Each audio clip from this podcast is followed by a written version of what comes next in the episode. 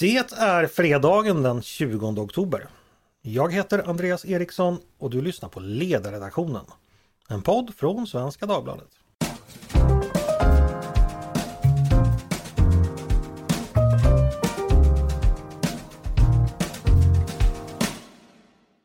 De flesta av oss har läst Per Anders Fogelströms roman Mina drömmars stad om hur Henning går från pojke till man i 1800-talets Stockholm och om hans hårda liv som inhyst på tunna smutsiga madrasser i dragiga träkåkar på Söder. Har man inte läst dem så rekommenderar jag verkligen att göra det. Det är en berättelse som skapar förståelse för det liv som funnits före oss. Boken Mina drömmars stad är den första i en serie där jag misstänker att allt färre läsare hängde med ända till slutet. För böckerna blir nämligen efter den storartade inledningen sämre och den sista boken, som heter Stad i världen, inte särskilt läsvärd för andra än de som intresserar sig för Stockholms bebyggelsehistoria. Persongalleriet har i takt med generationerna blivit enormt och varje enskilt levnadsöde reduceras till klichéer.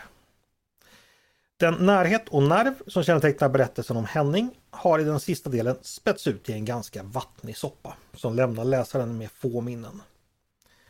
Men det finns, i alla fall för mig, några undantag. Och ett av dem har jag tänkt på den sista tiden. Berättelsen har då kommit fram till 1967, alltså det näst sista året som den mer än hundraåriga sviten täcker. Då får vi i ett stycke vara nära en man som heter Josef Schönlank. Josef är lika vagt och blodlöst gestaltad som de andra personerna är när berättelsen väl har kommit så här långt. Men på några sidor blir han något mer levande. Han har kommit till Sverige med de vita bussarna efter att ha suttit i nazisternas koncentrationsläger.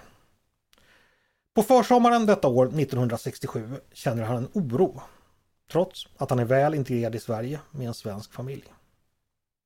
Han känner något som han beskriver som en kallelse. Att han inte borde vara i tryggheten i Sverige. Han borde resa till Israel och vara med och försvara sitt folk och sitt land. Vid den här tiden fanns det bara två miljoner israeler omgivna av tiotals miljoner i de fientliga länderna som omgav Israel och hotade att utplåna det relativt nya landet. Kriget står för dörren och Josef oroar sig för att den förintelse som inleds, inletts i Europa kommer att fullföljas i Mellanöstern. Josef går i en, i en solidaritetsmarsch med Israel och bär motvilligt den gula stjärna som de nazistiska förtryckarna en gång påtvingade honom. För att visa av vilka historiska skäl som Israel existerar och varför hotet om att utplåna den judiska staten också kan upplevas som ett existentiellt hot mot honom, som svensk jude. Men när solidariteten med Israel väl ska visas så finner Josef att många personer saknas av de som han trodde var hans vänner. Av de som annars delar hans ideal. Manifestationerna har helt enkelt hål i leden. Vissa är plötsligt inte där. De har bytt sida. Och istället märker Josef att andra, som han annars inte har något gemensamt med, plötsligt slutit upp i hans led.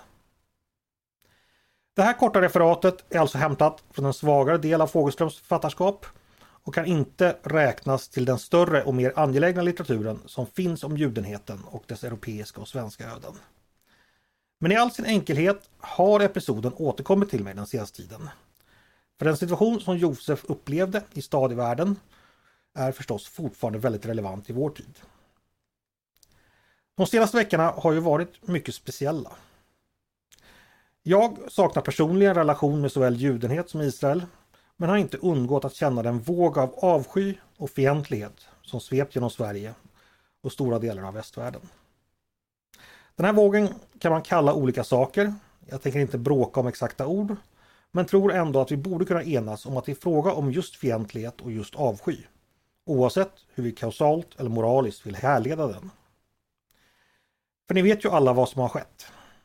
Firandet i svenska städer, manifestationer, tutande bilar, det som skrivits på sociala medier. Terrordådet mot civila israeler, måltavla enbart för att de var just israeler, har setts som en framgång. Som en seger. Israels sätt att försvara sig däremot, det reduceras till rent hat av samma personer som just hyllat terrorn. Det ses som folkmord och vilja att utplåna. Men det gör inte terrorn. Nu ska det samtidigt sägas att många av oss som inser att Israel måste försvara sig ändå känner en tvekan och sorg inför hur försvaret i praktiken ser ut. Ibland också vämjelse och ilska. Men hos andra, det vill säga hos de som nyss hyllat terrorn, där tycks, det helt saknas motsvarande förståelse för att det finns två sidor. Där finns bara tutande bilar, firande, hatiska inlägg och okritiskt spridande av propaganda. Allt det här har också ett eko i offentligheten som jag inte tror hade blivit lika starkt om inte många etablerade aktörer hade besvarat det. Och här finns många exempel. Partier, organisationer och redaktioner där liknande tankegångar förkunnats och härbärgerats. Människor som annars håller antirasism och tolerans högt men som väljer att tiga, relativisera eller bortförklara när hatet riktar sig mot Israel och mot judar. Here's a cool fact. A crocodile can't stick out its tongue. Another cool fact, you can get short-term health insurance for a month or just under a year in some states. United Healthcare short term insurance plans are designed for people who are between jobs, coming off their parents' plan, or turning a side hustle into a full time gig. Underwritten by Golden Rule Insurance Company, they offer flexible, budget friendly coverage with access to a nationwide network of doctors and hospitals. Get more cool facts about United Healthcare short term plans at uh1.com. Jag tycker inte det är fel att säga att det är som en avgrund har öppnat sig. likt ett djupt sår genom det som annars är vår normala offentlighet. Vår normala gemensamma samtal. Jag har tidigare upplevt att det bortom konflikter har alltid funnits ett slags konsensus i Sverige om vissa självklara demokratiska värderingar som rör exempelvis rasism och demokrati. Och om terror och vilka politiska medel som är acceptabla. Men jag har under de senaste veckorna insett att min tro i detta kan ha varit för naiv. Ungefär där är vi idag. Hur historien fortsätter vet vi inte. Historien om Josef Schönlack däremot, den har en fortsättning. Det är sentimentalt och det går att invända mot realismen. Men det går ut på att han och hans familj samma sommar, vi pratar fortfarande 1967, går omkring på Södermalm och stöter på en folkmassa som han och hans familj följer med in i Vita bergen. De hamnar på en konsert. Karl Anton heter trubaduren. Och Josef sätter sig bland de andra stockholmarna och lyssnar på musiken och inser att han trots allt är hemma. Det må vara så att de radikala vännerna inte längre stöder Israel och judarna. Men han har i alla fall ett tryggt hem. I Vita bergen, i Stockholm, i Sverige. Det är kanske ett lite väl sockersött slut. Liksom hela Fågelströms svit så småningom utvecklas till något sockersött. För den handlar ju om hur världen går från fattigdom till rikedom. Hur mörkret byts mot ljuset och hur smutsiga madrasser i dragiga kåkar blir till trygga sängar i moderna lägenheter. Samtidigt kan man inte direkt anklaga Fogelström för att hitta på. För han berättar ju historien som den var. Hur Stockholm gick från kyla och nöd och hunger till välstånd. Den verkligheten är rätt sockersöt. Så kanske ska man ta även hans historia i det lilla på allvar. Att tiden trots allt kommer föra med sig att förståelse övervinner ilska. Att fred och samförstånd så småningom kommer övervinna hat. Att alla kommer hitta sitt vita bergen någon gång. Att alla till sist kommer få ett hem. Inte bara på söder i Stockholm utan även i de länder som nu slits sönder av kriget. Kanske är jag återigen naiv när jag säger detta, men låt oss i så fall acceptera detta. Låt oss i denna onda tid i alla fall låta den förhoppningen få en chans, likt ett flämtande ljus i ett mörker som behöver all hjälp det kan få.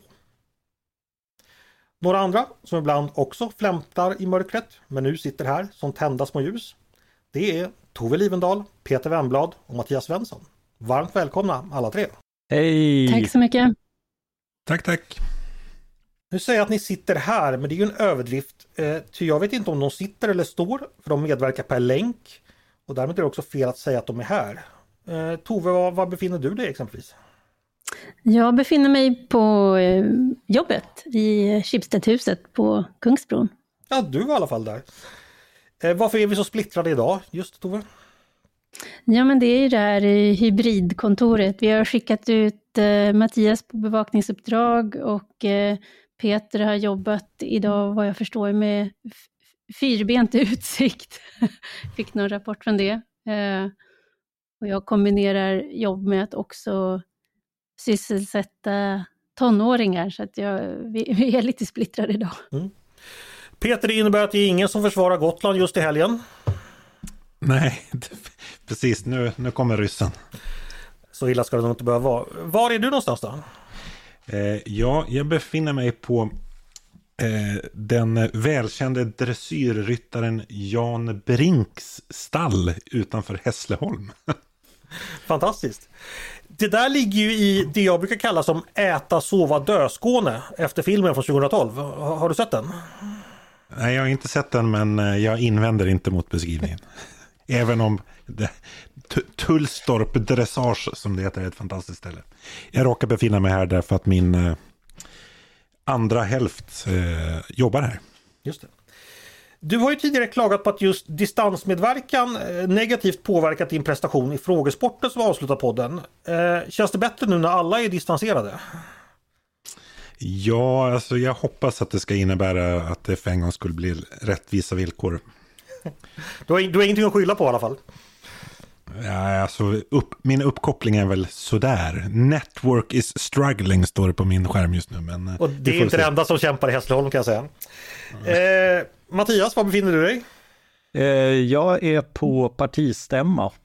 Ja. Så splittringen är bra och nödvändig för att kunna ena partiet på revolutionär grund eller något. Och partiet är förstås Medborgerlig Samling antar jag? det börjar på M i alla fall. Okej. Okay. och Samling. Eh, du, du befinner dig alltså i björkarnas stad. Har, har löven hunnit falla från björkarna? Nej, de är gula trots mm. det snöiga vädret. Vi hade ju faktiskt snö men, i Stockholm men, igår. Också. Men jag måste sticka in en fråga direkt. Heter verkligen Moderaterna Moderata samlingspartiet längre? Det gör de väl inte? De strök jo. väl det? Har de inte strukit det formellt ur sitt Nej, jag tror att det finns kvar. Heter de nya Moderaterna fortfarande? det tror jag har däremot lagts åt sidan. Ja. Det, jag har läst någonstans att, att de skrev någonting om att förnyelsen fortsätter och den fortsätter genom att ta bort nya Moderaterna. Ja. Mattias, har du hunnit pröva eh, pressfikat än? Eh, ja, det har jag. Eh, det, det, var ju någon sorts... Eh, eh det, det, hade ett eh, roligt namn som försvann för mig. Det här är bra radio. Ja, verkligen. Hörrni? Vad heter Jo, eh, kolagömma. Eh, det var tyvärr inte vad man skulle kunna hoppas på, men eh, de var goda. Det låter toppen, då förstår vi varför du låter så på alerten. ja. Hörni, det är dags att gå på veckans ämnen. Eh, de är ganska många efter en både händelserik och tyvärr mörk nyhetsvecka. För tyvärr måste vi åter börja i moll. Och då tänker jag förstås på terrordådet riktat mot Sverige som krävde två dödsstoffer i Bryssel i måndags. Eh, det var ju två svenskar som sköts ihjäl och en skadades. Av en 45-årig man som svurit trohet till IS. Och förklarade att det här var en gudi behaglig handling. Eh, mannen var tunisier som tidigare hade vistats i Sverige och befann sig illegalt i Belgien. Eh, som vanligt när det är sådana här tragedier där man, ja det är svårt att veta exakt vad man ska säga först. Så vänder jag mig till Tove och litar på att du har någonting, hunnit tänka någonting. Vad, va, vad säger vi? Ja, vi skrev ju om detta till på tisdagen och eh, det är ju en, eh, ja, för det första så är det ju just det att eh, det är ju sån tragedi. Det är människor som har blivit brakta om livet och det är en tredje som är skadad. Och eh, de här personerna kommer liksom aldrig mer att umgås med familj och vänner, de kommer aldrig mer att gå på fotbollsmatch. Och eh, sen är det ju också det här som på något sätt tror jag tar ett tag för eh, att sjunka in, nämligen att nu har vi liksom kommit till att det har blivit konkreta offer av det som vi har känt till ett tag, att det finns en ökad hotbild mot Sverige. Vi eh, hade en höjd Eh, hotnivå, den skrevs upp från en 3 till en 4. Eh, flera islamistregimer har pekat ut Sverige som ett legitimt mål. Nu har någon hörsammat det och det har ju också det har ju under lång tid eldats upp stämningar mot Sverige och det har ju bland annat handlat om den här desinformationskampanjen kring socialtjänsten som jag pratat mycket om tidigare. Så att till slut så, så blev det ändå så att någon bestämde sig för att hörsamma eh, den här vad man säger, uppmuntran. Och eh, det gör ju också, det som också är nytt här är ju att det blir någon slags före och efter därför att det här var ett, det här var ett terrordåd mot Sverige, det var inte på svensk mark, men det var likväl mot oss. Och i och med att vi hade, det fanns människor som hade attribut på sig som visade att de var svenskar, så blev de då måltavlor. Och för många så är ju det här, det är, det är aldrig någonting man har behövt bekymra sig om, att det ska framgå att man är svensk när man rör sig ut i världen. Det är snarare någonting som vi med Leif Johanssons ord skulle kalla, det är lite självgod blyghet, att vi är nöjda med att vara svenskar. Vi har, blivit, vi har varit väl ansedda, utom kanske på några solställen där svenskar har druckit för mycket alkohol, men generellt sett så kommer Sverige med ett starkt och gott varumärke och det har vi kunnat njuta av. Och nu är det något annat vi erfar här och det är väl det som kanske är det mest, ehm, ja det som stannar kvar förutom sorgen över de som har bragts om livet. Mm. Eh, vi tog upp det här i podden också eh, i tisdags då jag och Magnus Ranstorp, eh, terrorforskaren, diskuterade detta. Det var ju tidigt i händelserna då eh, så vi diskuterade utifrån kunskapsläget då eh, men jag tycker fortfarande det är väl värt att lyssna på. Eh, Magnus pratade exempelvis då om vilken historia av radikalisering och islamisering som finns i, Belgien, inte minst i, själva Bryssel. Belgien var ju det land i Västeuropa som hade flest IS-terrorister per capita, faktiskt till och med före Sverige. Då tänker man så här, eh, det, det Tove säger, om jag vänder mig till dig Peter, det här med att svenskar nu att vi särskiljer oss här, att vi är kända. Det, vi har ju också haft nyheter i tidningen om att människor i delar av den muslimska världen förknippar oss med att vi är anti-islam, att vi är koranbrännare och att vi är sådana som tar eh, barn från muslimer och att det här också har lett till en, en hotbild som är väldigt mm. påtaglig och som nu verkligen blev konkret. Eh, ja, hur, hur förhåller vi oss till det? Hur förhåller du dig till det? Den, den, stora förändringen, åtminstone mentalt, det är just att det har ju funnits ett terrorhot mot Sverige under en eh, längre tid och inte bara mot Sverige men, men i Sverige har det ju framförallt varit en hotbild mot individer. Alltså Lars Vilks till exempel. Men att nu är det då en, en kollektiv hotbild som, ja, det är ett, ett hot som eh, lika gärna kan alltså, sättas i verket mot mig som eh, mot någon annan. Eh, och det, det, är klart att det där kommer man, ja men det slog mig i, i, när det här inträffade i måndags att jag, jag ska själv utomlands tillsammans med mina eh, barn till en stad i Europa med en vad ska säga, liknande befolkningssammansättning som i, i Bryssel. Eh, och att jag in, överhuvudtaget inte hade reflekterat över att vad säga, det kan finnas en hotbild eh, också mot oss. Eh, men eh, det, det, kommer jag ha med mig nu när vi, när vi reser. Men vi har ju alltid varit de neutrala, vi har alltid varit de snälla och ganska goda. Eh, folk har kommit fram och pratat Björn Borg och ABBA med oss, eh, Olof Palme kanske. Eh, vi har alltid nästan lite självgott utgått från att det finns en välvilja. Kanske det är den här naiviteten kommer från den som jag eh, förespeglade i inledningen. Mattias, är det någonting som du tror, känner du också att det här förändras nu? Eh, ja, det, det, gör det ju och det är ju meningen. Eh, så, så det är ju både, ja, det, det går ju inte att förneka. Eh, men, men vi ska samtidigt veta att, att det, det är precis den typen av, av effekt som, som terroristerna vill uppnå. Att, att vi ska känna oss osäkra, hotade, övervakade eh, och, och eh, med, med sådana här dåd. Och då är ju just det här, det, det kan slå till mot, mot vem som helst eller var som helst. Eh, och det är ju en skillnad. Vi har haft det mot territorium, men Sverige är stort. Eh, så, så på ett sätt har vi ju, eh, ja om jag talar för mig själv, man har, man har vant sig vid den risken och, och, och vet att den är, den är ändå rätt för, eh, så försvinnande liten att, att det blir meningslöst att, att tänka på den i vardagen.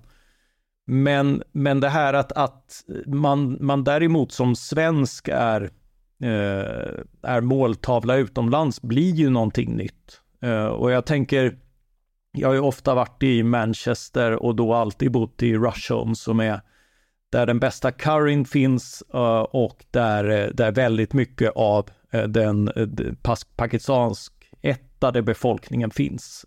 Och där finns ju helt klart islamistiska inslag. Det fanns det redan kring, kring millennieskiftet. Och, och nästa gång jag jag ska tillbaka dit och, och, se på fotboll och äta curry så, så blir det liksom en, då måste, då tvingas jag plötsligt att tänka på Uh, ja, ska jag, våga jag prata svenska? Ska jag, ska jag låtsas vara finsk eller dansk eller norsk liksom? Det, uh, ja, uh, så, så den typen av tankar har ju såtts hos oss alla. Men jag kan tänka mig att när du beställer One Point Lager Love så förstår ingen att du är utlänning. jag, jag, jag, Men jag, när Mattias pratar danska att, förstår ingen man, att han är svensk. Just när man beställer A Pint of Lager är man inte så utsatt för terroristsympatisörer. Nej, okej. Okay. Eh, jag tog upp det här med Magnus också. Frågan rakt ut, ska man vara rädd? Eh, och han sa ju då att det är klart man ska vara vaksam, men att gå omkring och vara rädd är inte riktigt rationellt. För att precis som Mattias säger, risken att man själv ska bli utsatt är ju så extremt liten. Alltså terror är ett hot mot samhället på systemnivå. Eller mot oss för att alla kommer drabbas av ett terrordåd men, men inte mot en personligen är det så enormt litet. Så det, det, det är viktigt att koppla isär de där riskerna, eh, tror jag också. Ja, men grymheten ligger ju just i, eh, och det behöver vi ju bara gå till de två senaste, de var, de var utvalda just därför att de var vem som helst. Mm. Jo, jo, jo, så är det ju. Och det är grymhet i de enskilda fallen. Men jag talar om den personliga risken. Där måste jag också väga in den. Jaha, Tove, vad gör vi av det här eh, politiskt? Eller gör vi någonting? Eh, ja, det tycker jag. Det går inte bara att säga att det är fruktansvärt, utan sådana här gånger så måste man också fundera på vad här, hade det kunnat förebyggas eller vad, vad kan man göra framåt? Och jag tycker att Ulf Kristersson när han höll sin pressträff landade helt rätt. Eh, jag tycker att han talade om detta, att det, slutsatsen ska inte bli att vi, vi funderar på om vi kan eh, så här, minska den liberala, eh, de liberala friheter vi har och det, det, det sätt vi lever på. Det är inte det som är slutsatsen, men slutsatsen måste bli att vi blir bättre på att skydda våra rättigheter och våra friheter och där behöver vi göra mer. Det finns, under lång tid har Sverige varit ett typ av växthus för islamism eh, på ett sätt som är oansvarigt, inte bara gentemot vår egen befolkning, utan mot hela världen faktiskt. Och då behöver vi ta bättre ansvar för de säkerhetsrisker som befinner sig på vår mark. Och eh, det kom ganska nyligen nu från tidskriften Fokus att man eh, tittat på det där och såg att det fanns ungefär 700 dömda brottslingar som ska utvisas, utvisningen inte har genomförts. Så nu ska jag inte säga att alla de här eh, behöver vara islamister, men det finns, vi har alltså människor som har begått brott, som kan röra sig i samhället på ett sätt som inte borde vara okej. Okay. Så att har man misstänkta säkerhetsrisker så bör de på något sätt vara antingen sitta frihetsberövade i väntan på att få, man ska kunna verkställa utvisningen eller på annat sätt ha koll på dem. Det finns ju elektroniska medel för sånt. Det gör ju. Det är väl värt, väldigt värt att poängtera att de som har betalat det högsta priset för Sveriges flathet mot islamismen, det är ju de civila i, i Syrien och Irak som drabbades av Isis härjningar, där en inte ringa del av den insatsen kom ju då från Sverige. Ja, då ska vi gå vidare eh, och då ska vi ta upp en historia som följde på Brysseldådet utan egentligen ha med det att göra. Eh, men det hängde ihop och blev mycket uppmärksammat. Det var Jessica Stegrud Sverigedemokratisk riksdagsledamot.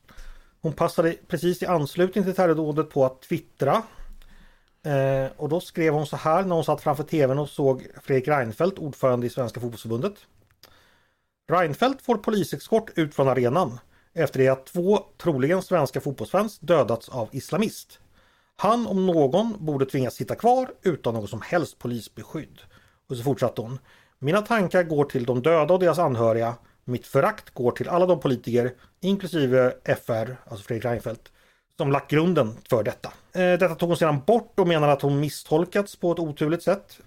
Peter, är det här ett acceptabelt sätt att twittra? Get ahead of postage rate increases this year with Stamps.com. It's like your own personal post office. Sign up with promo code PROGRAM for a four week trial plus free postage and a free digital scale. No long term commitments or contracts. That's Stamps.com code PROGRAM. Det var fjantigt, osmakligt, eh, olämpligt. Mm. Men eh, tycker hon så här, tror du? Ja, men alltså. Ja, vad det nu är hon tycker. Alltså, det har ju ägnats mycket energi dessa dagar att här, uttolka vad hon egentligen menade. Eh, men jag tycker det råder liksom inget tvivel om att det här var någon slags våldsfantasi. Att, liksom, att hon vill att... Jag tycker att Fredrik Reinfeldt förtjänar att utsättas för, för risk för det som han och hans regering åstadkom.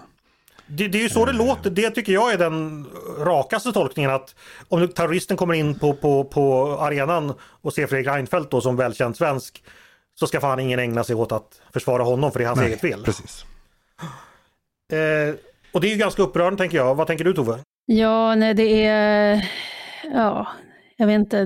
Det är liksom inte... Man brukar använda ordet anständighet. Det här är inte en, ett anständigt sätt att föra debatten eller att eh, så här, eh, tänka så. Sen är det ju så att Sverigedemokraterna är en rörelse som väldigt mycket har både härbärgerat och kapitaliserat på ett stort mått av harm som finns eh, ute och som handlar om att politikerna i tid inte vågade se, vågade prata om, eh, hoppades att problemet skulle försvinna, så har de inte gjort det, utan eskalerat på en nivå som är obegripligt. Så att det är ju det som jag tror att hon, hon talar liksom till de väljarna på något sätt och vet att det där kommer, att hon, hon kommer få ryggdunk av det där. Men det är ju, sen blir ju hennes förklaring blir ju inte heller bättre. Liksom. Jag, jag tänker, det, det här är inte ett det här är inte uttryck för någon som ska ha ansvar för, för liksom staten och för vad det innebär och förståelsen för att Fredrik Reinfeldt i egenskap av vem man är också är en mycket mer intressant måltavla och det ligger i vårt intresse att, att skydda en sån person. Jo, men jag tror precis som du Tova att det är ett resentiment eh, gentemot eh, politikerna som hon här eh, flörtar med och, och, och också känner själv. Men nu lägger jag märke till Tova att både du och Peter ni, ni närmast suckade ju uppgivet när jag ställde den här frågan och, och, det är en ganska vanlig reaktion. Jag har ju själv gjort mig skyldig till den. Att vi då på den borgerliga sidan vi har börjat sucka åt Sverigedemokraterna och ja, nu kommer de igen och sådär. Mattias, är det rätt reaktion att sucka eller bör vi kanske göra någonting annat?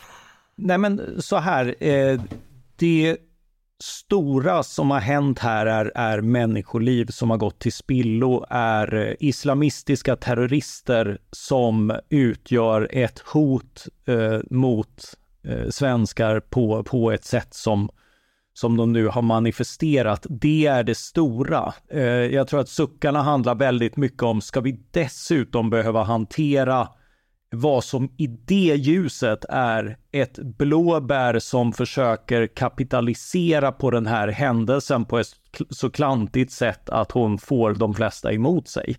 Eh, då känns det lite övermaga att, att, att liksom alls ägna energi åt att tala om det här.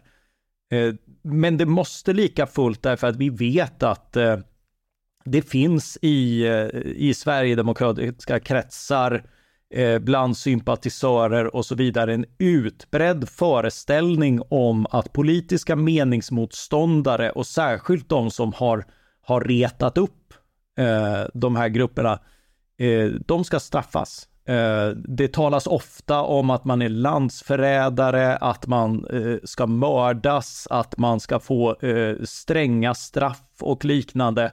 Så det här var ingen tweet som var något olycksfall i arbetet, utan, utan det finns en, en väldigt stor grupp där ute här också som eh, som liksom, och vi har eh, faktiska terrordåd, senast i Almedalen, av människor som tagit också den här tanken till, sitt, eh, till sin blodiga konsekvens. Mm. Och Peter, slutsatsen om Sverigedemokraternas färghet i maktens salonger och ge dem än mer ansvar för landets utveckling, vad blir den? Jag tror eller kanske mest hoppas någonstans att det finns krafter inom Sverigedemokraterna som tycker att det här är bekymmersamt. Eh, alltså ur deras egen intresse. Därför att Eh, så Sverigedemokraterna vill göra sig regeringsfähiga. Och varje sån här händelse när ledande Sverigedemokrater uttrycker sig och agerar som drägg. Så det diskvalificerar, det gör det ju en, det gör ju att Sverigedemokraterna blir mindre, hamnar längre från eh, regeringsmakten. Alltså inte mig emot, jag vill inte ha dem i en eh, regering. Men, så du vill ha fler segerutsvits av den här sorten? Nej, det vill jag inte ha. Jag, alltså, så här, mitt suckande handlar nog någonstans om att jag fortfarande hyser någon slags naiv förhoppning över att våra medlemmarna av vår högsta lagstiftande församling någonstans ska ha en högre grad av professionalitet och anständighet än eh, gemene man. Men eh, ja, det kanske är en ja, men det, det är så himla ovärdigt. Och det är ju som Mattias säger, vad är det som har hänt? Och så sitter man och håller på på det där sättet. Och det är ju någonstans, det är ju, det är ju då det, nackdelen med, med de här sociala medierna som absolut har sina fördelar, men en del människor kanske hade sådana tankar förut, men de hade inget forum att uttrycka sig i, så vi slapp höra det. Mm. Uh, det, det, det, är, det, är, det är ovärdigt i en sån stund. Men Peter, om vi ska vara väldigt cyniska, eh, för en borgerlighet som vill ha argument mot i eh, kommande förhandlingar att slippa Sverigedemokraterna i regeringen, så är det här ändå goda nyheter. Att de fortfarande visar sig på det här sättet. Ja, det tror, tror jag. Så det är klart att deras... Eh, vad säger, att Sverige, om Sverigedemokraterna ska kunna tvinga sig in i en regering eh, efter nästa val. Det bygger ju på att de någonstans har ett alternativ. Ett handlingsalternativ. Och ju mer de håller på så här, eller så länge de håller på så här, så har de ju, det är ju inga andra partier som vill, vill ha med Sverigedemokraterna och att göra. Eh, så att jag, ja, jag tror inte att eh, ur det strikt cyniska perspektivet så tror jag inte att regeringspartierna tycker att det här är jättejobbigt. Mattias, eh, relationen till Fredrik Reinfeldt. Om vi kan, ta, kan man tala om ett Reinfeldt-hat? Uh, is it a thing och var finns det i så fall? Hur utbrett är det? Det är ju, det är ju oerhört utbrett och, och väldigt fascinerande därför, därför, att det tar sig just det här. Alltså det här är ju unikt för invandringsmotståndet. Det finns ingen annan fråga där människor som tycker att politiken har varit fel, ta hyresregleringarna eller eh, narkotikapolitiken som jag menar har varit fel i 50 år jag sitter inte och insisterar på att alla som inte har tyckt som jag ska be om ursäkt och det är ingen viktig fråga för mig. Jag vill se en förändring av politiken och om folk ändrar den politiken så är jag glad. Eh, det är inte riktat mot personerna utan sak. Här är det tvärtom. Eh, vi har Moderaterna som är en väldigt töntig aktion bad sina väljare om ursäkt för sin tidigare invandringspolitik. Istället för att bara, ja, vi hade fel, vi ändrar den som man gör på alla andra områden.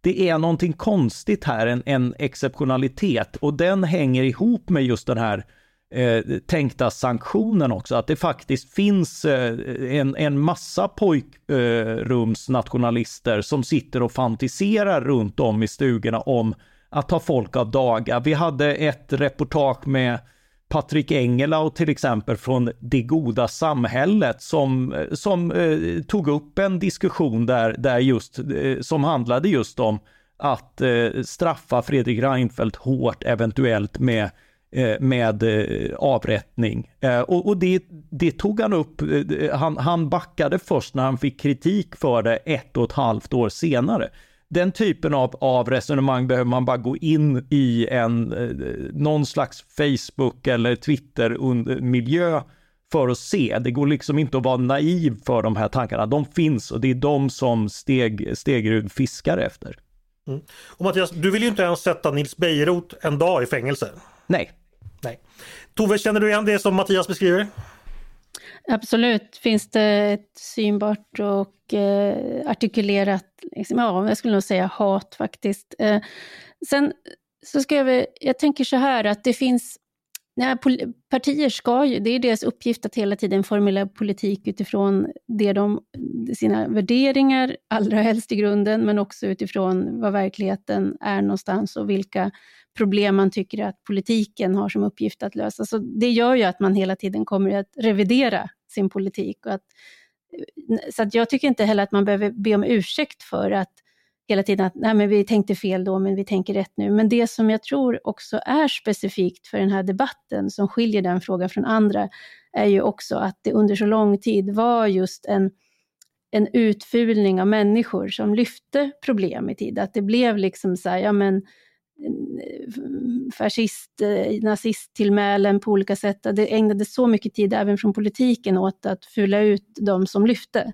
Och det är, den, det är det som jag tror väcker och har liksom skapat det här, den här källan av harm på ett sätt som kanske inte finns kring andra frågor, inte i skattefrågan eller sånt där, utan här finns, har man fått höra att man är en, en riktigt dålig människa som vill andra väl, så är det klart att där finns det någonting som sitter kvar. Och det, det tycker jag att det kan man be om ursäkt för, för det behöver inte finnas i en vettig debatt. Fast, fast eh, nu tog ju Mattias upp narkotikapolitiken. Det är väl ett exempel där man verkligen har fulat ut motståndare. Alltså alla som bröt åsiktskorridoren där på 80 och 90-talet var ju i princip personer non grata. I, ja, det, det finns ju andra exempel menar jag. Eller? Ja, men det har ändå inte blivit... Där, här finns det och den, den, debatten har kanske inte heller på samma sätt blivit en sån som förs i varenda liksom, stuga. Den här alltså, diskussionen om invandring har i, i väldigt många samhällen ja. blivit en jättestor Absolut, fråga. Absolut, jag fattar vad du menar. Jag menar, menar bara att, liksom att jag skulle vilja nyansera lite bara. Men det fick jag Ja, och, och, och det, ska, det ska ju sägas att jag menar, eh, Fredrik Reinfeldt ag, agerade vid ett par tillfällen som en skolgårdsmobbare när, när han talade om eh, att, att liksom alla riksdagspartier ska göra upp men ett ska inte vara med. Och eh, Ja, han sa och, ju något väldigt konstigt också när någon sverigedemokrat hade blivit misshandlad. Minns ni det? Att, ja, det var alltså, jätteknäppt det, var, det, vis, det, visade sig ju vara eh, han, han, själv som hade gjort det. Men, men när detta var osäkert och någon ja. från från ett parti har blivit misshandlad och, och Fredrik Reinfeldt börjar prata om att ja men sånt där sår man våld så får man skörda ja. liksom. Så att, att, att skylla på offret, det, det var verkligen smaklöst. Det var bisarrt faktiskt. Ja. ja. Vilket jag sa redan då, men ja. Eh, Peter, Reinfeldt-hatet, jag är oskyldig och naiv. Jag tycker man ser det möjligtvis på sociala medier. Jag har aldrig stött på det i verkliga livet faktiskt. Har du det? Du som umgås mycket med moderater. Eh, umgås jag mycket med moderater? Det var mer än vad jag visste. Eh, jag brukar inte avkräva redovisning ah, du, du av partisympatier. Eh, jo, men jag måste nog ändå säga att jag har stött på det av och bland vissa liksom, aktiva moderater. Alltså de som gick och eh, knöt näven i fickan under Reinfeldt-perioden. Fast det roliga är ju att det är ju inte de primärt, utan det är ju ofta folk som var för Reinfeldt så länge det gick bra. Sen när man tappade i opinionen på invandringsfrågan, då blev de här personerna jättearga, men de var ofta nymoderater. Eh, alltså de var kritiska mot mig när jag inte hoppade på det nymoderata tåget och sen så är det jag som får ta Reinfeldt i försvar när de är rent eh, tokiga. Men det handlar ofta om något annat och är man kritisk mot mot Fredrik Reinfeldts politiska gärning och det får man ju vara hur mycket som helst och hur inkonsistent som helst. Eh, det är någonting annat än att tala om att straffa någon eller, eller att liksom, eh, ja, ja, vilja gå till handgripligheter. Men alltså jag, när vi ändå är inne på hur vi känner inför Fredrik Reinfeldt, jag tycker det är eh, Hans stora politiska misstag och hans politiska arv det blev ju att han släppte fram Sverigedemokraterna. Eh, det är jag jätteförbannad på honom för. Men han var ju inte ensam om det. Jag tycker det är så fascinerande att han ensam utsätts. Det var ju hela samhällsandan på den tiden var ju som den var och det kan man beklaga. Men det var ju inte han som bestämde det. Han var ju inte Sveriges diktator under åtta år och kunde peka ut linjen helt och hållet. Nej, han hade ju väljare som röstade på honom. Ja precis, eh, vi var ju alla där och eh, i samma, så, så det är det jag tycker är lite fascinerande att han har blivit Men det kanske är för att han har varit så tyst efteråt också, han har inte valt att försvara sig vilket gör att man kan tillskriva honom i princip vad som helst. Eh, det kan ju vara en möjlighet. Ja, det om Reinfeldt-hatet. Är det någon, ja, Tove, vill du sy ihop burken där på något sätt eller? Jag vet inte, jag tycker du gjorde bra. Vi hoppas att folk eh, har vett att hålla, liksom, hålla tyst. Håll, håll, När de håll, inte har- håll kritik saklig, den får gärna vara Ja. hård i sak, Ja. men, men det här att, eh, att, att vilja meningsmotståndare illa är ett otyg. Ja, det är, för det är ju det liksom att man, man kan ju, så här, det är klart att man kan här, vara, vara väldigt kritisk och känna, så här, tänk, tänka dåliga tankar, men, men om man ska önska någonting så är det ju liksom att människor ska komma till en bättre insikt, inte att det ska gå dem illa. Det är ju någonstans, tycker jag, en jätteviktig skillnad. Hörrni, vi byter ämne. Eh, vi ska prata om dåliga tankar. Eh, för det är dåliga tankar är någonting som det verkligen inte tänks eh, där Mattias är på, på moderatstämman uppe i Umeå. Mattias, jag vet ju att du eh, anlände precis idag, men, men eh, har du hunnit uppfatta någonting om hur, hur stämningen och läget är, är på stämman?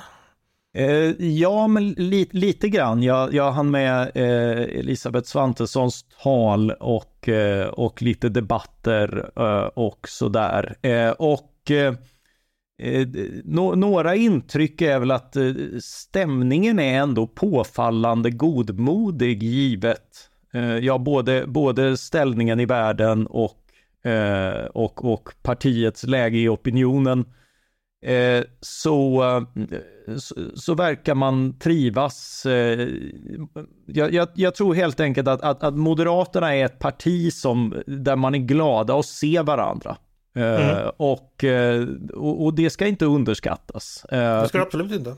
men det är också ett parti, och det har det glunkats lite om i korridorerna, att eh, hittills så har, så har liksom i stort sett allting gjorts upp i, i uppgörelser i utskott, sekreta utskott och sånt där liksom bakom lyckta dörrar och inte i plenum. Eh, och det där kan ju vara skicklig maktutövning och sånt där, men, men, men ska ett parti må riktigt bra så behöver partistyrelsen få pisk på i en fråga eller två i en omröstning så att, att medlemmarna ändå känner och, och företrädarna ute i landet ändå känner att, att, att de har någonting att säga till om. Och det har hittills inte skett, vilket, vilket gör att, att, att det muttras lite om att det är en väldigt tråkig och tillrättalagd stämma och att annars An, annat var det när, när eh, värnplikten debatterades förr och liknande. Men, men men Mattias, det, det, det var ju inte värdigt Moderata samlingspartiets partistämma. Ja, eh, nej, eh, men det får ju stå, det, det får ju faktiskt stå för Gunnar. Okej, innan det blir obegripligt för lyssnarna. Ja. Ni får googla Moderaternas partistämma värnpliktsdebatt 1993 så hittar ni roliga klipp med en 30 år yngre Mattias Svensson. Eh, vi hade en podd igår. Förlåt Peter, vad sa du? Ja, enligt kalendern 30 år yngre, men han ser exakt likadan ut. Han säger exakt likadant. Han säger samma sak också ungefär. Ja. Eh, eh, eh, vi hade en podd om detta igår med, med Marcus Uvell och Benjamin Dosa som kan Moderaterna utan och innan. Vi pratade väldigt mycket om stämman. Och, och lyssna gärna på den också ifall ni inte riktigt vet vad en partistämma är för någonting. För vi pratade eh, just om hur formalien går till och utskottsbehandling och, och allt sånt där som politiker håller på med. Eh, för, för, det lär man sig mycket om där. Eh, en sak som kom fram då som jag tänkte kolla med Mattias. För jag frågar ju naturligtvis, alla moderater säger idag att de gick omkring och knöt näven i fickan över invandringspolitiken år 2010. Vad är det man knyter den näven i fickan om idag som man kommer berätta om 15 år när man ska motivera varför Ulf Kristersson inte ska ha livvakter? Och, nej, så sa jag inte förstås, men ni förstår poängen. Eh, och det är då här att Moderater har ju trots allt gått med i ett frihetsparti som idag pratar mycket, mycket mer om andra saker och det kanske många tycker gör lite ont i magen. Mattias, har du någon känsla av att är det så?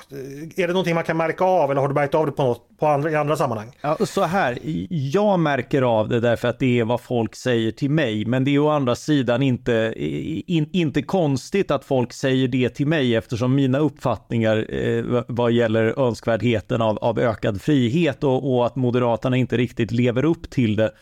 Eh, de är ju väl kända, så, så jag vet inte riktigt vad, vad mitt vittnesmål är värt, men, men att, att det är lite mesigt, lite folkpartistiskt. Det är, man är lite bekymrad över, ö, ö, över att två profilerade folkpartister har anställts nära Ulf och, eh, och, och det har ju diskuterats hur mycket eh, hur, mycket det har, har eh, påverkat policy och, och gjort Moderaterna försiktiga. Det, det, det, kan man ju förstås spekulera om, men, men det kommer upp i samtalen. Det, det, det är väldigt intressant. Jag tycker det låter som en mycket förnuftig utveckling, men det, men det, det är jag det. Eh, eh, nu hade jag någonting på tungan. Jag, jag ska se om jag kommer på det. Jag låter Peter kommentera så länge. Eh, vill du ställa en fråga Peter till Mattias om, om stämman förresten? Så passa på. Kan det verkligen stämma? Nej, men jag, jag satt och, och funderade på samma fråga som Mattias fick. Alltså vad det är som moderater knyter näven kring idag men som kommer fram först om tio år. Men jag tycker att den är, är svår. Jag tror att det kommer vara någonting relaterat till klimatpolitiken faktiskt. Men jag vet inte riktigt. Eh, in, eh, inte vad, men det, jag säger att den frågan har liksom samma potential som migrationspolitik. Men åt vilket håll då?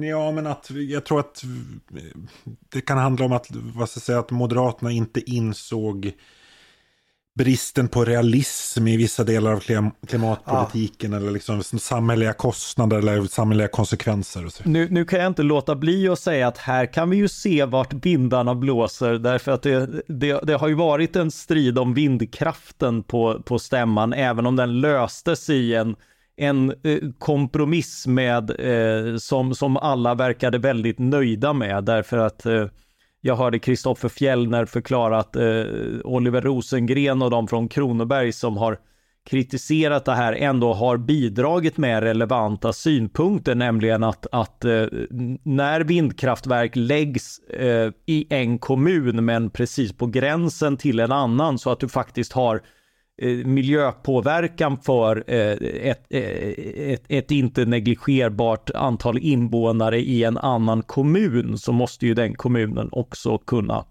kunna påverka tillståndsprocessen. Men, men man har landat i att, att ändå gå på eh, partilinjen att, eh, att, att liksom det är önskvärt med med, ska det finnas veto så ska det vara tidigt i processen och inte när, när man har lagt ner en massa kostnader på att projektera vindkraft och sen behöva bromsa det på grund av kommunala majoritetsbeslut. Just det. Mattias, nu kommer jag på vad jag skulle säga till dig. Eh, om det är så att alla tänker, här kommer Svensson, nu kommer jag klaga på friheten för alla vet vad han tycker. Kan du sätta på dig en lösmustasch och bli Mattias Hansson ikväll? Speciellt efter att folk har tagit några groggar och inte jag, är så skarpsynta. Jag, jag, jag, kan, jag, jag kan ta, ta på mig ett skägg och, och lägga ut lite och vara Mattias Karlsson och kasta varpa utanför och se hur många som kommer. Men det blir ja. väl som på Sverigedemokratiska festivaler, är jag rädd att det kommer tre stycken som dansar lite folkdanser där. Ja. ja. nej, men du, för, för jag, jag, förstår problemet att du är mm. alltför välkänd för att kunna gå undercover i, i partiet. Eh, jo, jo, nej, men det finns säkert andra, och, och Peter har ju rätt, alltså många av de här eh, regleringslösningarna kommer ju precis som reduktionsplikten visa sig vara eh, alltså både svåra och dumma att, att liksom implementera till varje pris. Mm. Eh, och, och, det ser vi redan. Nederländerna till exempel har haft ett antal bizarra konsekvenser som har fått väldigt stora eh, väljareffekter eh, med, med populistpartier som, som vänder sig emot det och faktiskt får en, en legitim fråga att, eh, att kritisera. Så där finns helt klart sånt vi, vi inte ser idag men som vi borde ha, eh, vi borde ha förutsett. Mm. Stannar du hela helgen Mattias? Eh, jag åker hem innan stämmans slut på söndag. Mm, det låter bra. Det är ju så att vi måste ta in Tove här för att det finns ju då de här partikon, partistämmorna men så finns det ju någonting sådana här ah, kommunala arbetsstämmor emellan. Kan du berätta någonting om dem Tove? Nej, det Nej, kan vet hon inte för hon vill inte det. Jag vet vad vi försöker göra Andreas. Vi får avslöja här att vi hade sådana samtal som vi inte ska ha i podden som handlar om vad folk ägnar sig åt när konferensdagarna är slut. Och det brukar ju alltid vara, finnas mycket rykten och sånt kring partier på olika sätt. Okej, vi nämner inte kommunala K-konferensen alls mer utan vi går vidare så får ni Jag sa ju att folk här är väldigt glada att se varandra. Det... De ser fram emot kvällen. Mattias, innan stämman spårar ut i nakendans och, och fylla. Nej, nej, ta, det är ta det där- Folkpartiet Andreas. Här, här, här går folk prydligt eh, till sina hotellrum och ja, De går prydligt till ett hotellrum, kanske Ja. inte till sitt eget, men eh, ja, nog om detta. Men, men jag, jag vill bara sticka in här att jag, jag blev alldeles varm i kroppen när Mattias sa att, att människor var glada att se varandra på moderatstämman. Alltså det är liksom i politiken, man är, det är så mycket säger, konflikter och vi har pratat om resen, resentiment. Det kändes väldigt eh, positivt. Jo, det, jo men det, det, det, finns faktiskt... glädje och gemenskap också i politiken. Ja, och, och just i denna svåra stund, jag, jag bytte ett par, par ord med, med Anna Tenje om, om just det här att eh, eh, att, att ja, eh, det är trevligt att ses och kanske särskilt viktigt att ha trevligt och ses just i sådana här mörka tider. Att det också får finnas sociala tillfällen eh, och, eh, eh, och, och liksom samtal om politik och annat och att det får spela roll också när världen är, är ond och grym och att detta med rätta dominerar eh, rubrikerna. Mm. Då ska vi gå vidare och då ska vi tyvärr eh, lämna mysigheten eh, och eventuella trevliga aktiviteter på Moderaternas partistämma och gå tillbaks ut i den dystra världen. Eh, vi ska nämligen prata lite källkritik faktiskt. Eh, för det är någonting som Peter har, har skrivit och tänkt mycket på i veckan. Hur okritiskt eh, såväl medier som politiker snabbt kan förmedla vidare osäker information och varför det kan bli väldigt farligt och fel. Det gäller ju då den här bombningen eller den påstådda bombningen av Al-Ali-sjukhuset som eh, ska inträffas då i, i tisdags kväll. Ja, eller någonting inträffade, det, det vet vi, en explosion på en parkering utanför sjukhuset. Hamas uppgav omedelbart att det rörde sig om en bomb från det israeliska flygvapnet och att 500 personer avlidit. En jättelik katastrof alltså. Den här uppgiften spreds snabbt vidare av de stora nyhetsbyråerna Eh, då med Gazas hälsoministerium som avsändare. Något som i vissa svenska medier också blev de palestinska myndigheterna. Israel har tillbakavisat de här uppgifterna eh, och det har kommit andra förklaringar till explosionen att det skulle ha rört sig om raketer från Hamas som gått fel. USAs underrättelsetjänst ska enligt president Biden dock ha information som pekar på att det är, är Hamas som ligger bakom. Men vad jag förstår är saker inte avgjord än. För Magdalena Andersson, oppositionsledaren, var den tidigt avgjord. Redan samma kväll, drygt två timmar efteråt, gick hon ut och pekade åtminstone indirekt ut Israel som ansvarig. Eh, hon menade sedan att hon inte gjorde det. Jag kan citera hennes tweet, så här skrev hon. Fruktansvärda bilder från sjukhuset i Gaza. Israel har en rätt att försvara sig, men också en skyldighet att skydda civila. Den skyldigheten måste efterlevas. Civila palestinier ska inte straffas för Hamas terroristhandlingar. Eh, och då överlåter jag åt er lyssnare att bedöma exakt hur hennes tweet ska tolkas. Eh, Peter, eh, jag överlåter detta åt dig också för det var många som sprang åt Anderssons håll i tisdags och i veckan. Eh, ja. Varför är det här viktigt att prata om? Ja, därför att vi befinner oss i ett väldigt allvarligt säkerhetsläge. Alltså det är krig mellan Israel och Hamas. Sverige befinner sig i ett eh, allvarligt säkerhetsläge.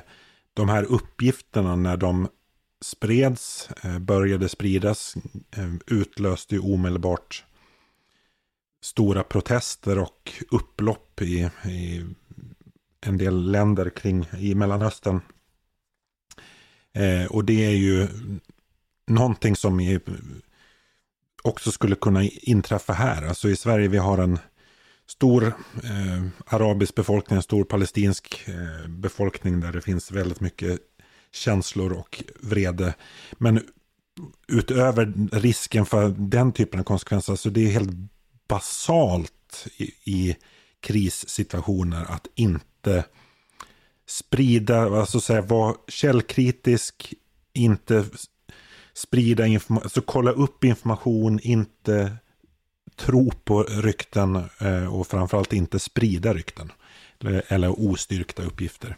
Och här fick vi ju exempel på flera, alltså Magdalena Andersson är ju uppseendeväckande på dessa, att hon är liksom partiledare och, och före detta statsminister. Men det var ju flera andra ledande politiker som gjorde samma sak och var ännu tydligare på att, att det var Israel. Och att det handlade om en flygbomb. Vänsterpartiets Ali Esbati, eh, Vänsterpartiets eh, utrikespolitiska talesperson. Eh, ja, sen hade vi ju den här, eh, vad heter han nu, Jamai El-Haj, socialdemokraten som han som har ägnat sitt liv åt att bekämpa Hamas. Precis. Han har ägnat sitt liv åt att bekämpa Hamas genom att sprida eh, propaganda från Hamas i det här fallet. Jag såg att du hade ett visst utbyte med Spati eh, på, på, på X eller Twitter. Hur gick det? ja, alltså för att han, eh, han skrev ju då att eh, det inte fanns några som helst, så sent som i onsdags morse, eh, så skrev han att det fanns inga som helst indikationer på att det handlade om någonting annat än ett israeliskt flyganfall.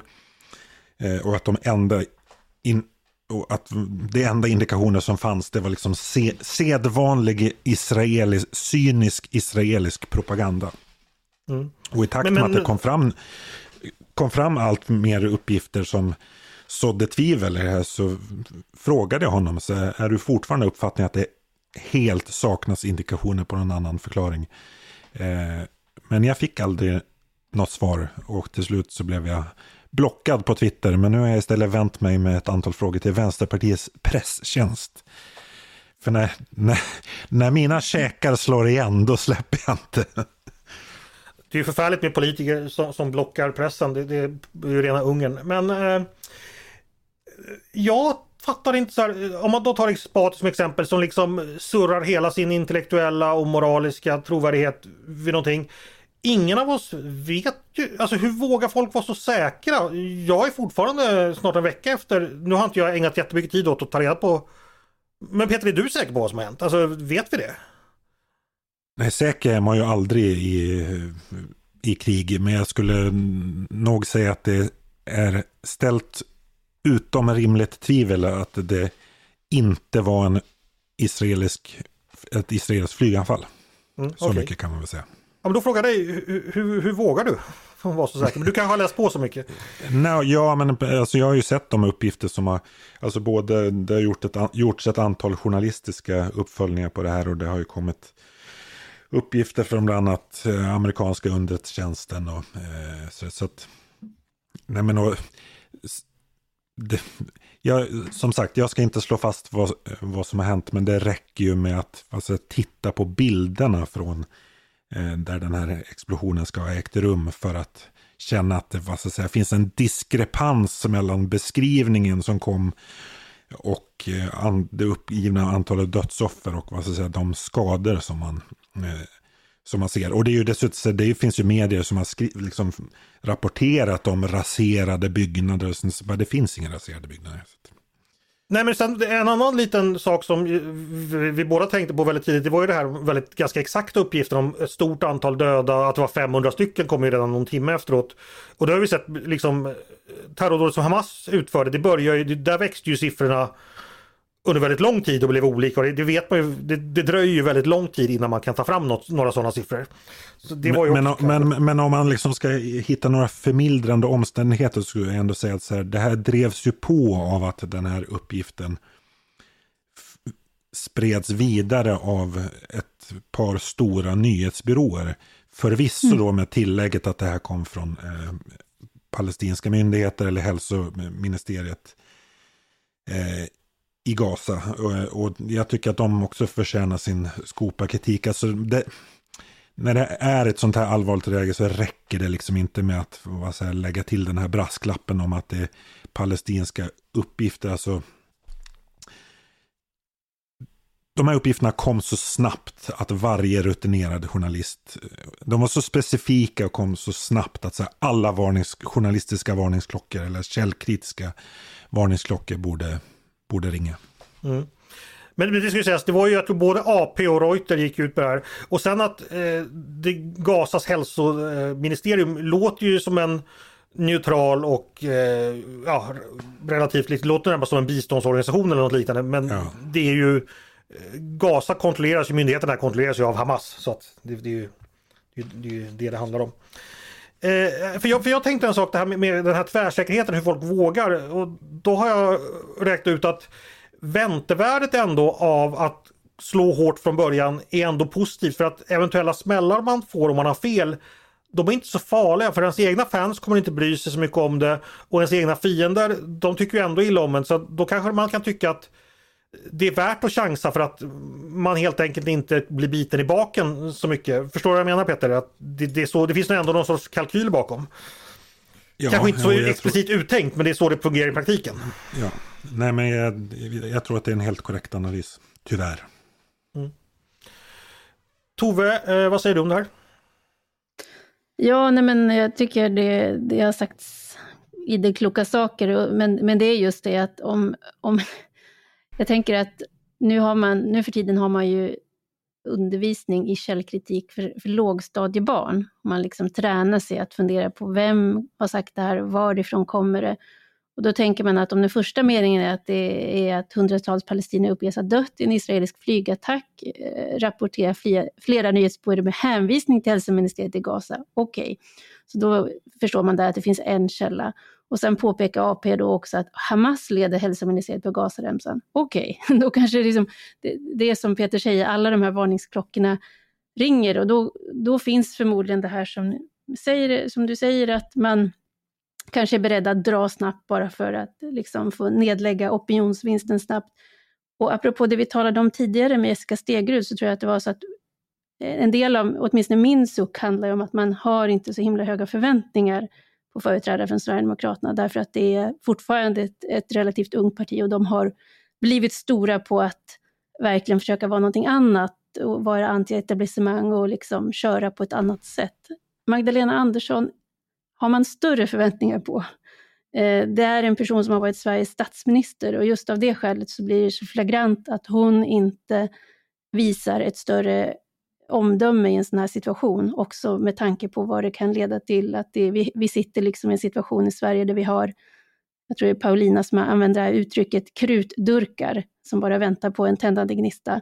Och det, det, det hade inte varit osannolikt att, att, eh, att påeldandet från svenska politiker hade kunnat utlösa en sån gnista. Vi hade suttit med kravaller igen. Så att det här är, jag hoppas att Magdalena Andersson liksom tänker efter nästa gång. Svenska Dagbladets ledarredaktion hoppas att Socialdemokraternas ledare lyssnar på Svenska Dagbladets ledarredaktion. Eh, det är en from förhoppning Tove, men vi tror på mänskligheten, inte sant? Det gör vi. Hörni, hörni, hörni. Eh, vet ni vad, vad det har blivit dags för? Ett Ditt favoritmoment. favoritmoment. Det som heter Svar direkt, då vi stresstestar våra ledarskribenters politiska reflexer och förmåga att blixtsnabbt skilja gott från ont och sant från falskt. Det går helt enkelt till så att jag likt ett inspel från kanten från Björn Gilsén hittar Per Kalén på linjen som vräker sig fram. Och vräker sig fram gör man genom att säga ja eller nej eller vara för eller emot. Och snabbt som attan ska det gå. Helt enkelt svar direkt. Är ni redo? Ja. Då ska ni få någonting dagsfärskt. Sverige ska införa en kvalificering till välfärden. Det skriver Tidöpartierna på DNs debattsida idag. Den som kommer som nyanländ till Sverige ska inte omedelbart få tillgång till alla ersättningar och bidrag på samma sätt som svenska medborgare, utan behöver kvalificera sig genom steg för steg integreras och arbeta, heter det. Håller ni med om det förslaget? Ja eller nej? Gälla svar direkt. Ja. Ja. Ja, Det var självklart. Vem vill ta den självklara pläderingen? Tove? Ja, men här är det uppenbart då att Tidöpartierna i alla fall har lyssnat eller läst Svenska Dagbladets ledarsida eftersom det här är någonting vi har föreslagit under längre tid. Så det tycker jag är utmärkt. Och det handlar ju om att, att vi måste ha rätt incitament i systemen. Eh, man, kan inte, man, man ska redan från start ha klart för sig att man ska vara väldigt välkommen till Sverige tycker jag om man kommer hit och vill hjälpa till att bygga landet och som det brukar heta, göra rätt för sig. Men, men ja, vad det innebär är ändå att det, det är också nödvändigt tror jag för att det ska finnas en acceptans eh, i längden för att vi mår bra av, av migration till det här landet, att det finns en balans mellan insats och utfall. Utmärkt. Då ska vi fortsätta med just välfärd. Eh, För då heter det så här. Slopa taken i våra socialförsäkringar. Det tycker åtta lokalpolitiker från L i en debattartikel i Aftonbladet. De menar att alla borde få 80% av lönen i exempelvis sjukpenning och a-kassa och inte stöta emot det tak som många gör idag. För idag är det så att stora grupper betalar in betydligt mer än vad de har möjlighet att få ut. Vad tycker redaktionen om detta? Bör det här taket slopas? Ja eller nej? Jävla svar direkt. Nej. Nej. Nej. Mattias, vill du ta det? Varför är det rättvist att folk betalar, som betalar in massor inte får ut lika mycket? Eh, nej, det är det ju förstås inte. Eh, men eh, det, det, är lite grann, alltså det illustrerar ju just det här att, att, att staten kan inte vara generös med något annat än, än eh, dina egna pengar. Och då blir en fråga hur pass generösa skydd man kan ha och vilken funktion de ska ha. Och då tycker jag att det viktigaste är att, att de ger ett grundskydd så att människor inte, inte faller utanför. Men, men däremot att, att alla ska kompenseras upp till en bestämd nivå. Eh, det handlar om grupper som, som kan tillse det skyddet själva. Så då, då, då tycker jag att den rimliga prioriteringen blir att inte bygga ut det här. Men men det är såklart en, ur en ren rättvisa aspekt så, och givet till vad folk betalar in så, så förstår jag kravet. Mm. Någon som vill lägga till någonting där eller är vi nöjda med Mattias? Ja, kan, kan väl lägga till att i praktiken är det ju en, ganska många svenskar som har ett eh, bättre skydd, alltså som har tilläggsförsäkringar via sin anställning och kollektivavtal och så vidare. Just det. Tack för de blixtsnabba slutsatserna. Idag var det stor enighet. Eh, då ska vi gå vidare, eh, för det har blivit dags för mitt favoritmoment. Det som vi kallar Är du smartare än en ledarskribent? Ni känner vid det här laget till momentet, men för nytillkomna lyssnare kan jag kort förklara vad det går ut på. Det handlar om en bitter kamp mellan ledarredaktionens fraktioner där fulspel, mygel och mutor är legio. The winner takes it all, the loser standing small som man brukar säga. Då ska vi börja med en rättelse från förra veckan då vi fick uppleva ännu en domarskandal. När det gäller sådana börjar det här momentet påminna lite om boxningen i Seoul-OS 1988 för att ta till en smal men mycket vass referens. Eh, förra veckan fick panelen frågan om Jesu lärjungar. Mattias svarade då att eh, hans namne Matteus hade varit en, en av dem och fick obegripligt och skandalöst nog inte rätt på detta. Men det är ju förstås så att en av apostlarna hette just Matteus. Han skrev till och med ett evangelium som heter Matteus evangeliet efteråt. Han var något så profant som tullindrivare till yrket men gick alltså till historien som något helt annat. Eh, jag tar på mig ansvaret för detta och kommer som bot skriva det kosmologiska gudsbeviset hundra gånger på den svarta tavlan. nu vann ju Mattias ändå så att det, det störde liksom inte tävlingen men, men jag ber både Mattias och lyssnarna om ursäkt. Och Matteus om ursäkt. Och Matteus som, som blev skandalöst bortglömd. Då kör vi igång. Eh, reglerna kan ni, man svarar genom att säga sitt namn. Vill man chansen när jag läst färdigt frågan så får man det. Men då slutar jag läsa och man riskerar minuspoäng. Hörni, vi har pratat om Moderaterna idag. Så här kommer några frågor om det partiet där alla inblandade utom jag själv har en stabil bakgrund. 1938 bytte partiet namn till Högerns riksorganisation. Vad hette partiet innan dess? Peter. Peter? Allmänna valmansförbundet. Visst är det så. 1984 rapporterade TT att Moderaternas partistämma inletts på, som det hette, sedvanligt sätt.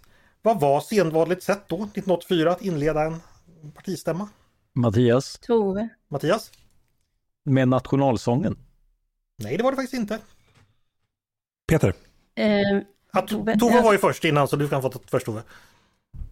Jag skulle tänka att det kanske var Fanborg och Kungsången. Nej, ni är inne på samma sak där, men nej. Peter då? Ja, det var, det var Kungsången som jag tänkte på. Nej, men ni, ni är ju så nära. Man skickade ett telegram till kungen och hälsade. Ja. Det gjorde vi faktiskt till och med någon gång ifrån Moderata ungdomsförbundets distriktsstämma i Gävleborg. fick, ni, fick ni något svar? Nej. Jag trodde att varenda... Vi, vi hade på förslag att skicka kanske. oanständigheter. Eh, är det inte så att varenda muffmöte ner till, ner till liksom stadsdelsnivå inleds med att man skickar telegram till kungen? Vi börjar nu. Ja. Hörni, samma partistämma, alltså den 1984, anklagades för att vara citat en smädelsernas marknad mot socialdemokratin. Av vem? Vem stod för denna kritik alltså? Peter. Peter? Det låter ju som Olof Palme. Självklart vore Olof Ja. Palme. Det låter verkligen som det. Smädelsernas marknad, fantastiskt. Hörni, till, Det moder- var snyggt. Till moderatstämman 1993 skickade eh, Kurt Nordlund från Hudiksvall en bister motion som gällde kriminalvården. Han ville att fängelserna skulle omvandlas till arbetsläger i ödemarken med militär bevakning. Han ville också reformera kosthållningen så tillvida att den som eh, inte ville arbeta inte skulle få mat som de andra. Vad ansåg han att de arbetsvägrande internerna skulle få för utspisning? Mattias, Peter, Mattias? Ja, eh, jag kan ju inte, men man kan ju gissa vatten och bröd. Nej, det var inte rätt. Han hade alltså tänkt ett varv till. Ja, det hade han. Ja, det var havregrynsgröt. Eh, ingen som vill chansa? Nej, svaret är buljong och knäckebröd. Men de skulle dock sitta så att de fick känna doften av det andras mat. Kurt verkar också inne på det där med incitament. det är det Frihetspartiet ni alla gick med i. Eh, hörni, jag måste bara dela med er. Det är ett väldigt roligt citat från Carl Bildt jag hittade eh, när, när jag researchade det här. Expressen frågade om hans utseende en gång. Då svarade han så här. Att jag ser något yngre ut än vad jag är var en nackdel förr, men blir mer och mer en fördel. Häromdagen fick jag till min fas att höra att Göran Persson är jämnårig med mig. Han ser ju ut som han varit kommunalpamp i 60 år. Hörni, 2003 tog Fredrik Reinfeldt över ledningen på Moderaternas partistämma det året. Var hölls den? Peter. Peter? Det måste ha varit på Star Hotel i Sollentuna. Nej. Nej, där brukar muffstämmorna Ja, vara. det är Mattias. Mattias? Ja, det är ju Stockholm. Ja, det är Stockholm. Jag var där. Hörni, från samma intervju. Carl Bildt fick frågan så här. Allan Larsson sagt att du har en störd personlighet. Carl Bildt svarar. Har jag en störd personlighet? Det är väl att ta i. Men han, han verkar känna ett hat mot de flesta. Allan är ju en tom propagandist, vilket gör att många har svårt för honom. Ingen tror seriöst på vad Allan säger. Inte ens Allan själv. Han spelar Allan. Eh, Peter har två poäng, Mattias en, Tove ligger och lurar i vassen på noll. Eh, Men berätta vart det var då, i Stockholm någonstans? det vet jag inte, det var i Stockholm, kommunen Stockholm. Jaha. Ja. Hörni, nytt ämne för frågorna. Eh, Lasse Berghagen lämnade oss i veckan. En gigant i svensk kulturhistoria, vilket jag förklarar närmare i en text som kom på söndag. Men vi ska testa era kunskaper i allsång. Nu söker jag en svensk artist som då på vistemat är Lasse Dahlqvist, kusins barnbarn. Nu råkar det vara så att även min hustru är Lasse Dahlqvist, kusins barnbarn och sålunda är den här artisten brylling till min hustru. Denna Lasse Dahlqvist-ättling har tidigare spelat i bandet Broder Daniel och skivdebuterade hösten 2000 med Peter. Känn ingen sorg. Peter, Håkan Hellström. visst är det så?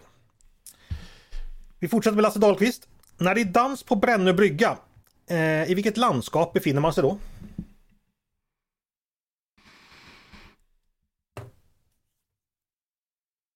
Tove, jag bara chansar. Ja, kör. Det är ju Bohuslän. Det kunde man tro, men så är det inte. Peter. Mattias. Peter var först. Ja, men då måste det väl vara Västergötland då? Helt rätt. Fast de sjunger om Bohuslän. Hörni, mer Taube. Eh, på vilken sedel ser man hans ansikte? Gud, jag har inte haft kontanter på tio år. Mattias. Mattias? Hundralappen. Nej, fel. Tove, Tove? 50-lappen. Helt rätt Tove, snyggt! Nej, man ser ju inte sedlar nu för tiden om man inte är knarkhandlare och det finns väl inget så billigt knark som 50 spänn så att eh, jag menar om man tar 50 spänn kokain får man ju inte så mycket tänker jag. En fråga till om Taube. Eh, det var Bluebird av Hall, det var Bluebird av Brigg som i sviktande stumpar stod på. Över soten i snöstorm med nedisad rigg, själva julafton. Ja, vilket var året? Ehm, Nu skulle jag ha lyssnat på rimmet här. Tove, Mm. 52. Nej, det var fel.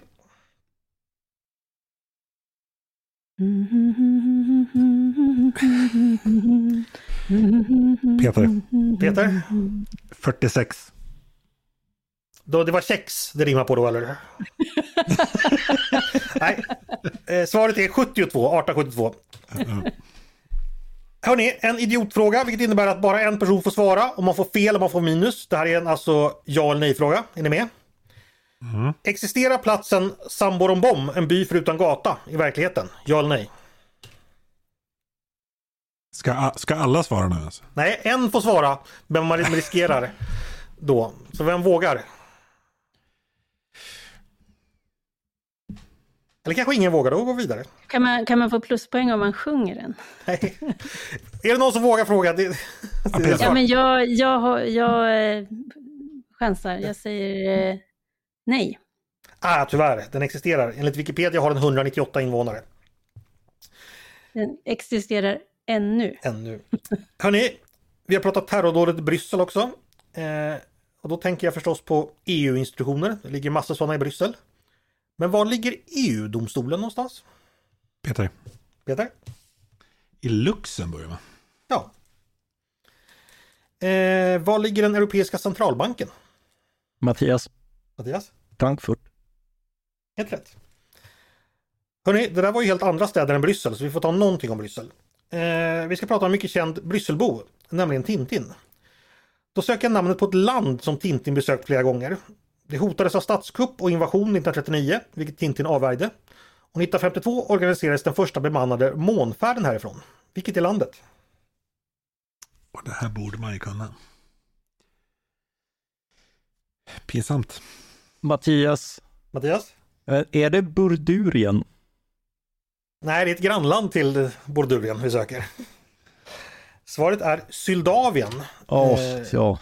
numera EU-medlem sedan 2009. Många svenskar känner väl till landet efter FN-uppdragen där på 90-talet. Efter kriget mot just Bordurien.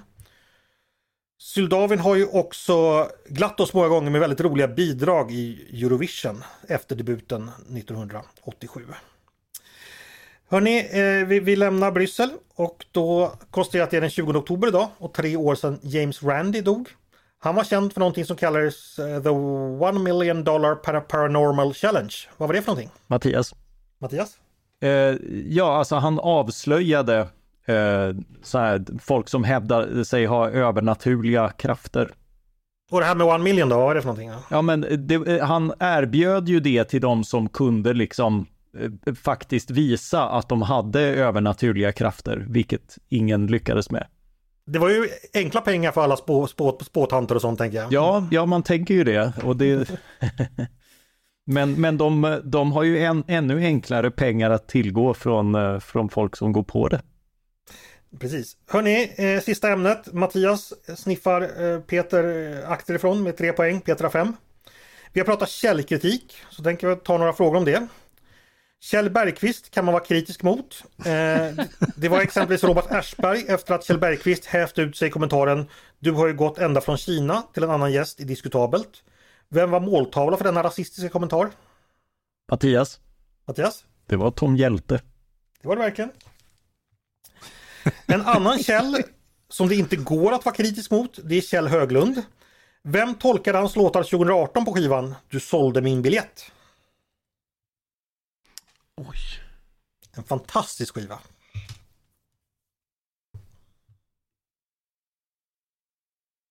Nej, Mattias, Mattias? Ja, eh, alltså kan det ha varit Thåström?